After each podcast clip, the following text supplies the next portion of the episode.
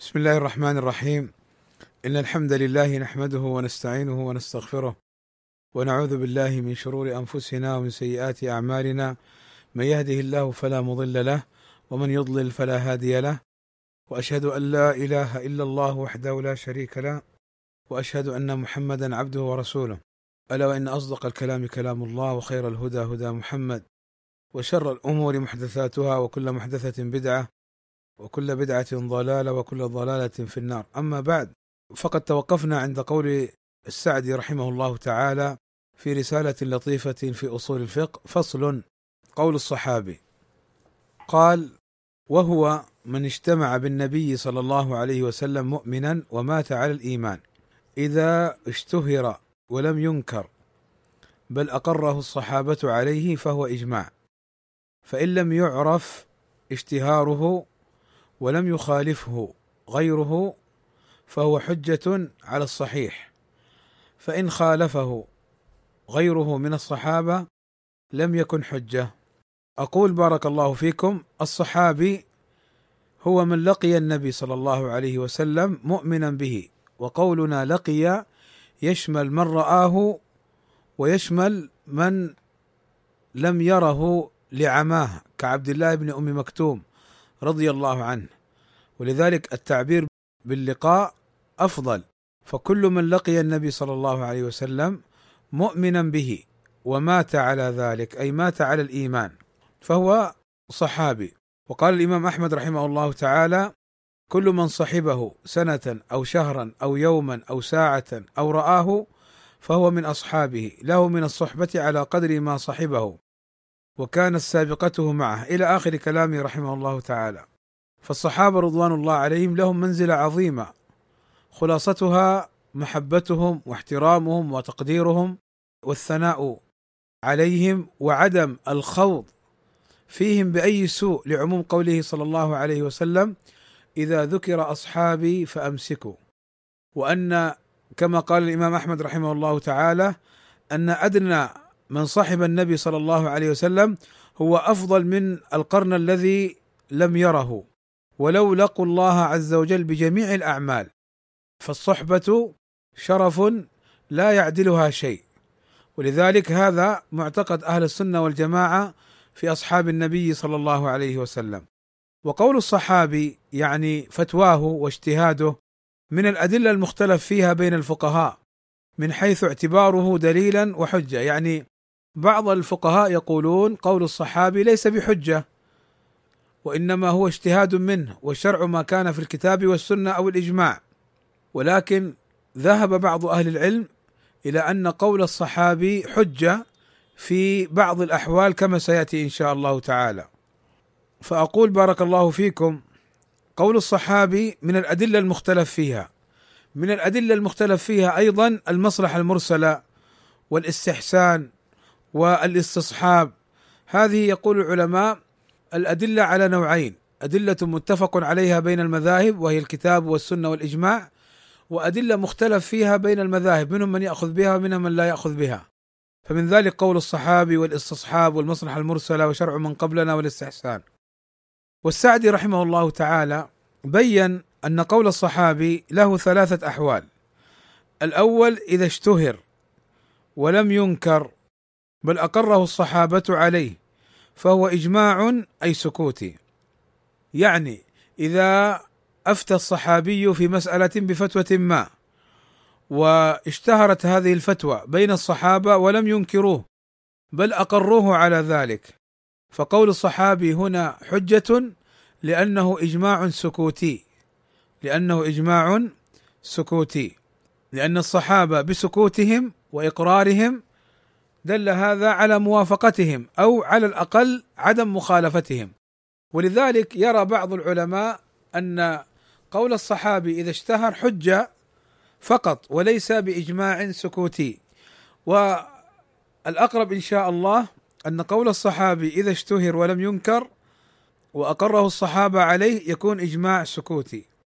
والثاني إن لم يعرف اشتهاره ولم يخالفه غيره فهو حجة على الصحيح. يعني إذا جاءنا في مسألة قول صحابي لا يعرف له مخالف ما الفرق بين الأول والثاني؟ الأول قول صحابي اشتهر بين الصحابة ولم ينكروه فأقروه فهو إجماع سكوتي. وأما الثاني قول صحابي في مسألة لا نعلم أنه اشتهر بين الصحابة ولم نقف على مخالف له من الصحابة. فهو حجة على الصحيح عند جماهير أهل العلم خلافا للمتكلمين. والثالث إذا خالفه غيره من الصحابة. الحالة الثالثة قول الصحابي الذي خالفه غيره من الصحابة لم يكن حجة أي لا يلزم اتباع أحدهم بالخصوص ولكن يرد إلى الكتاب والسنة ويختار من قولهم ما كان أقرب للأدلة. ولا يجوز الخروج عن قولهم ولا إحداث قول جديد. يعني إذا كان هناك قولان للصحابة أو ثلاثة أو أربعة فإن قولهم ليس حجة على بعض وقول واحد منهم من حيث هو ليس حجة وإنما يرجع للأدلة من الكتاب والسنة. لكن مع ذلك لا يجوز إحداث قول جديد ولا الخروج عن قولهم. بمعنى لو اختلفوا على قولين فلا يجوز إحداث قول ثالث. لماذا؟ قالوا لأن اختلافهم على قولين يدل على عدم وجود قول ثالث وإلا لا لذهب إليه بعضهم.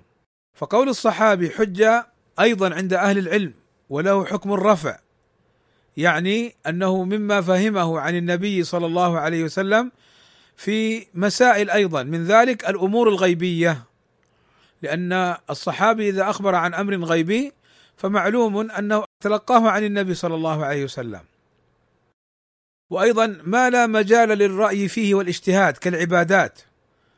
فإذا ذكر الصحابي أن هذا يقال يشرع ويفعل من أذكار أو نحو ذلك فإن هذا له حكم الرفع ويكون حجة.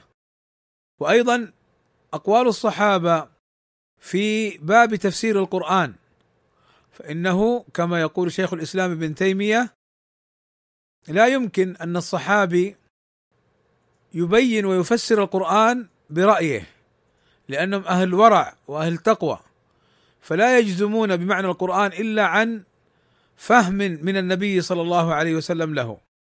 وكذلك إذا جاء في الحديث أن الصحابي يفسر مرويه فحينها يكون تفسير الصحابي لمرويه حجة. لأن معناه أن هذا هو معنى الحديث. معلوم عندنا أن فهم الصحابة رضوان الله عليهم للنصوص حجة وكذا ما اتفقوا عليه كما سبق.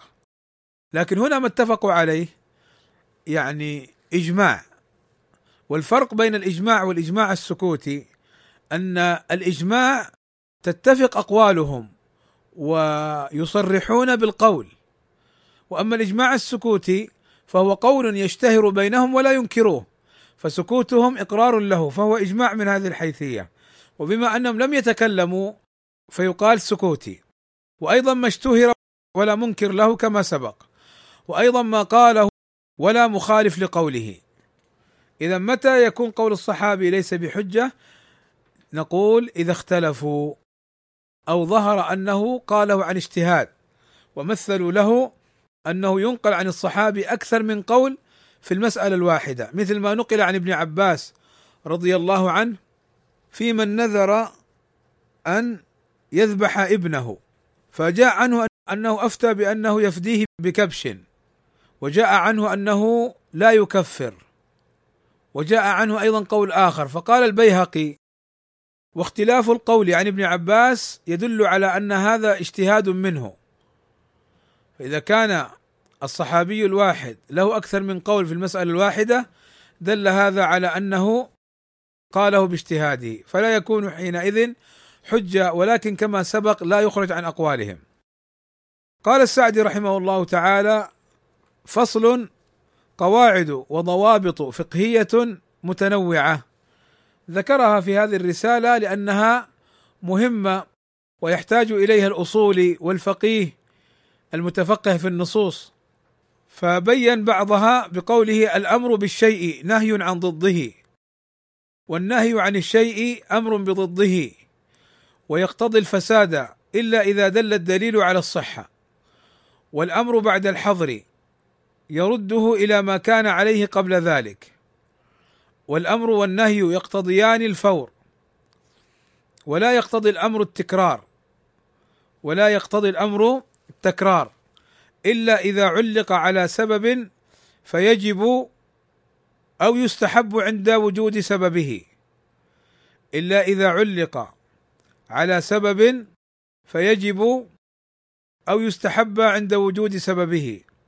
أقول ذكر السعدي رحمه الله تعالى هذه القواعد الأصولية وهي داخلة في أبواب متعددة. من باب تأصيل طالب العلم بأهم وأبرز القواعد الأصولية بعد أن هيأه بما سبق. فمنها الأمر بالشيء نهي عن ضده أي أن الأمر بالشيء يلزم منه من جهة المعنى النهي عن ضده. فقوله تعالى أقيموا الصلاة أمر بإقامة الصلاة ونهي عن تركها. وهذه القاعدة رد على الأشاعرة الذين يقولون إن الأمر بالشيء هو عين النهي عن ضده. بناء على مذهبهم الباطل في القرآن أنه المعنى القائم بالذات المجرد عن الصيغة. لذلك هم يقولون إن الأمر بالشيء هو عين النهي عن ضده وليس يلزم منه من جهة المعنى النهي عن ضده. وأما أهل السنة فإنهم يقولون يلزم من الأمر بالشيء النهي عن ضده. فمثلا لو قال له قم فنهاه عن الجلوس وعن النوم. وقوله والنهي عن الشيء أمر بضده أي أن النهي عن شيء يقتضي الأمر بضده من جهة المعنى. فقوله تعالى ولا تأكلوا أموالكم بينكم بالباطل هو نهي عن أكلها وأمر بأدائها أو عدم الخوض في ذلك أو ترك أكلها وبأيها حصل المقصود. فالنهي عن الشيء أمر بأحد أضداده. وقوله في القاعدة الأخرى ويقتضي الفساد إلا إذا دل الدليل على الصحة أي أن النهي يقتضي الفساد. إذا نهى عن شيء في الكتاب أو السنة اقتضى فساده. فالنبي صلى الله عليه وسلم نهى عن ثمن الكلب ومهر البغي وحلوان الكاهن. فدل هذا على تحريم ثمن هذه الأمور المنهي عنها. وقد يدل الدليل على صحة الشيء المنهي عنه. كحديث لا تصر الغنم ومن ابتاعها أي اشتراها فهو بخير النظرين بعد أن يحلبها إن رضيها أمسكها وإن سخطها يعني ما رضيها ردها وصاعا من تمر. فهنا النبي صلى الله عليه وسلم نهى عن تصرية الغنم وتصرية الغنم أن يربط على ضرعها محل الحليب يربط عليه بحبل ونحوه حتى يجتمع الحليب ليوم أو يومين. فإذا رآها المشتري رأى أنها ذات حليب كثير فاشتراها واغتر بها.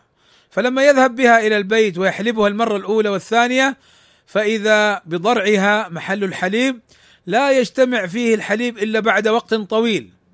فمن اشتراها كذلك خيره النبي صلى الله عليه وسلم بين إمساكها يعني ما يردها ويرضى بحالها هذا وهي كونها لا ليست ذات حليب وبين أن يردها لصاحبها ويرد معها صاعا من تمر لأنه انتفع بالحليب من الغنم فرد صاعا من تمر مكانه.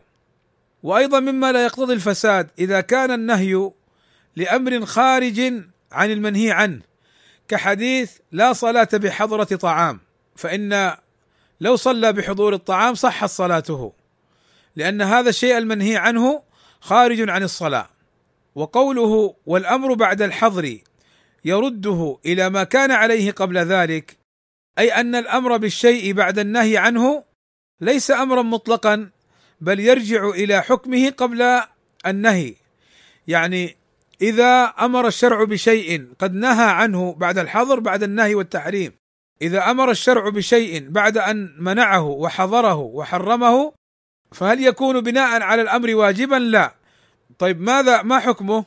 قال لك يرد إلى حكمه قبل المنع والحظر. مثاله قوله تعالى: وإذا حللتم فاصطادوا فالله عز وجل نهى المحرم عن الصيد ولكن إذا حل إحرامه الله أمره بالصيد فاصطادوا. طيب هل الأمر هنا للوجوب؟ لا. نقول ما حكم الاصطياد قبل الإحرام؟ مباح. فاذا هنا فاصطادوا أي إباحة. ليس للوجوب لأنه حكم قبل المنع الإباحة. وقد يكون الحكم للوجوب. كقوله صلى الله عليه وسلم للمرأة إذا أقبلت حيضتك فدعي الصلاة أي اتركيها لا تصلي أيام الحيض. وإذا أدبرت أي انتهت أيام الحيض فاغسلي عنك الدم ثم صلي. صلي أمر.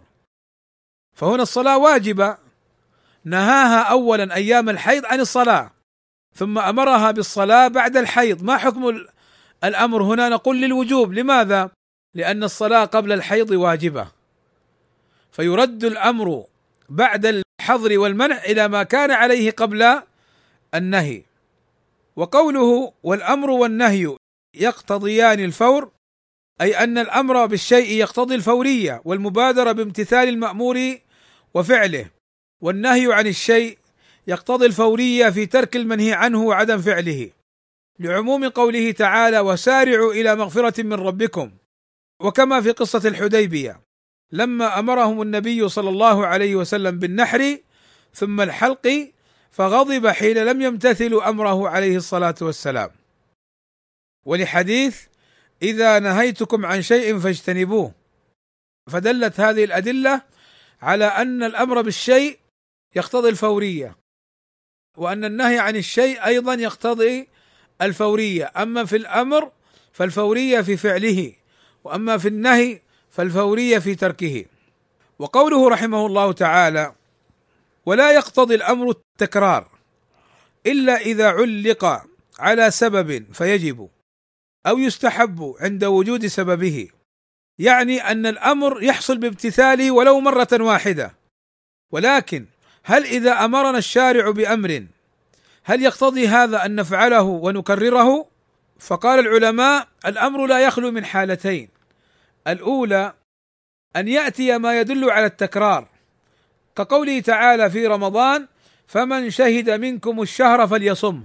فكل من دخل عليه رمضان وجب عليه صومه بشروطه. وجب عليه صومه بشروطه. لأن الله قال فمن شهد منكم الشهر فليصمه. فعلق الأمر على شيء. الثانية أن لا يأتي ما يدل على التكرار. فمطلق الأمر لا يدل على التكرار مثل الأمر بالحج. لذلك لما سأل الصحابي أكل عام يا رسول الله؟ سكت. فلما كرر السؤال قال له صلى الله عليه وسلم لو قلت نعم لوجبت ولما استطعتم. فدل هذا على عدم وجوب تكرار الفعل إذا لم يعلق بشيء. أو يستحب عند وجود سببه مثاله الأمر بالسواك عند الوضوء. أو عند الصلاة أو عند النوم. فهنا يكرر السواك. لماذا؟ لأنه معلق بشيء كصلاة أو وضوء أو نوم. ولكن هذا على الوجوب على الاستحباب. هذا على الاستحباب. وقوله إلا إذا علق على سبب فيجب أو يستحب عند وجود سببه كما سبق. فالأمر الذي يتكرر الوجوب مثل الصلوات الخمس بدخول الوقت. والأمر الذي صرف للاستحباب مثل إكرام الضيف. وقوله والأشياء المخير فيها إن كان للسهولة على المكلف فهو تخيير رغبة واختيار وإن كان لمصلحة ما ولي عليه فهو تخيير يجب تعيين ما ترجحت مصلحته. أقول أراد المصنف رحمه الله تعالى أن التخيير في الشرع على نوعين والتخيير هو أن يذكر عدة أشياء يخير العبد في فعلها أو قولها. فهذا التخيير في الشرع على نوعين. الأول أن يكون المقصود بالتخيير التسهيل والتخفيف على المكلف. فهنا يختار المكلف ما يناسبه مثل كفارة اليمين فيخير بين الإطعام والكسوة والعتق. فعل هذا أو هذا أو هذا. فهنا التخيير للتسهيل على المكلف فيختار الأسهل عليه. الثاني أن يكون التخيير المقصود منه النظر إلى مصلحة ما ولي أي تولى أمره واعتبر نظره وتصرفه في الشيء. فهنا يختار ما كان فيه مصلحة لمن تولى أمره لا لمصلحة الولي نفسه. كأن يتصرف ولي اليتيم في ماله فلا يصرفه في مصلحته بل يراعي في ذلك مصلحة اليتيم لا مصلحة الولي. ولذلك الله عز وجل نبهنا إلى حسن التصرف في مال اليتيم كما في أول سورة النساء حيث قال سبحانه وتعالى مخاطبا أولياء اليتيم وابتلوا اليتامى أي اختبروهم حتى إذا بلغوا النكاح فإن آنستم منهم رشدا فادفعوا إليهم أموالهم. ثم قال ولا تأكلوها اسرافا وبدارا أن يكبروا. يعني لا تتصرف في مال اليتيم لمصلحتك ولكن تأخذ منه بقدر حاجتك وتصرف فيه بقدر منفعة اليتيم. ولذلك قال ومن كان غنيا فليستعفف ومن كان فقيرا فليأكل بالمعروف. فدل هذا على أن الولي يخير في مال اليتيم بما هو أصلح وأنفع لليتيم. ثم ذكر السعدي رحمه الله تعالى مسألة ألفاظ العموم ولعلي أكتفي بهذا القدر لبعض الظروف لدي فأعتذر عن عدم الاستمرار في الدرس. أسأل الله عز وجل أن ينفعنا بما سمعنا وأن يكون حجة لنا لا حجة علينا وأن يرزقنا الفقه والفهم لهذا الدين. وصلى الله وسلم على نبينا محمد وعلى آله وأصحابه أجمعين.